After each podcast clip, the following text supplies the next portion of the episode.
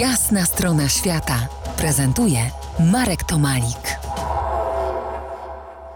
Opowiadam dzisiaj o klubie filmowym Głodówka w Tatrach, który przez kilka lat generowałem z dużym zapasem mocy własnych. To było 10 lat temu. Projekcje odbywały się w oszklonym i zadaszonym tarasie schroniska Głodówka po drodze z Bukowiny Tatrzańskiej na Morskie Oko i dalej na Słowację. Tarasie z panoramą 76 km Tatr, jeśli tylko pogoda była dobra, jeśli tylko oko chciało się napaść.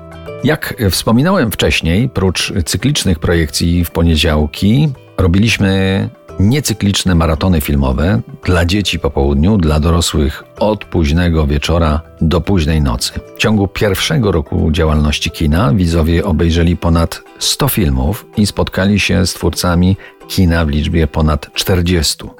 Głównie reżyserów, ale także aktorów i producentów. Jednym z nich był dwudniowy jesienny maraton filmowy Muzyka i animacja na głodówce 5 godzin projekcji wypełniały wtedy najnowsze dokumenty. Ludzie zasiadali na krzesłach przy stolikach lub rozkładali się w pozycji horyzontalnej z karimatami na podłodze. W takiej atmosferze pamiętam premierę kinową filmu Jak Feniks z popiołów albo po angielsku Out of the Ashes. Polsko-australijsko-angielskiego dokumentu z 2011 roku. To był i jest film o fascynacji Warszawą Australijczyka i Anglika. Film dokumentalny pokazuje nie tylko odbudowę polskiej stolicy po dewastacji w czasie II wojny światowej, ale też uwypukla cechy ludzi z nadwisły: witalność, wytrwałość, odwagę, determinację, duchowość. Film był później pokazywany w Stanach Zjednoczonych Ameryki, Wielkiej Brytanii i Australii, a także w innych wersjach językowych na wszystkich kontynentach. Został on wyprodukowany pod kierunkiem znanego australijskiego reżysera filmów dokumentalnych Petera Piveridge'a, a w projekcie uczestniczył też znany m.in. z filmu Cztery Wesela i Pogrzeb Simon Callow, który został narratorem tego filmu. Po projekcji było spotkanie z Australijczykiem Markiem Krawczyńskim, inicjatorem projektu i jego filmowym przewodnikiem.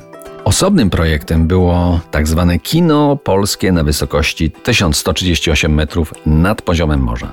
Twórcy Stowarzyszenia Filmowców Polskich prezentowali filmy w najwyżej położonym kinie w Polsce. To było 10 poniedziałkowych spotkań z reżyserami, operatorami i producentami polskich filmów.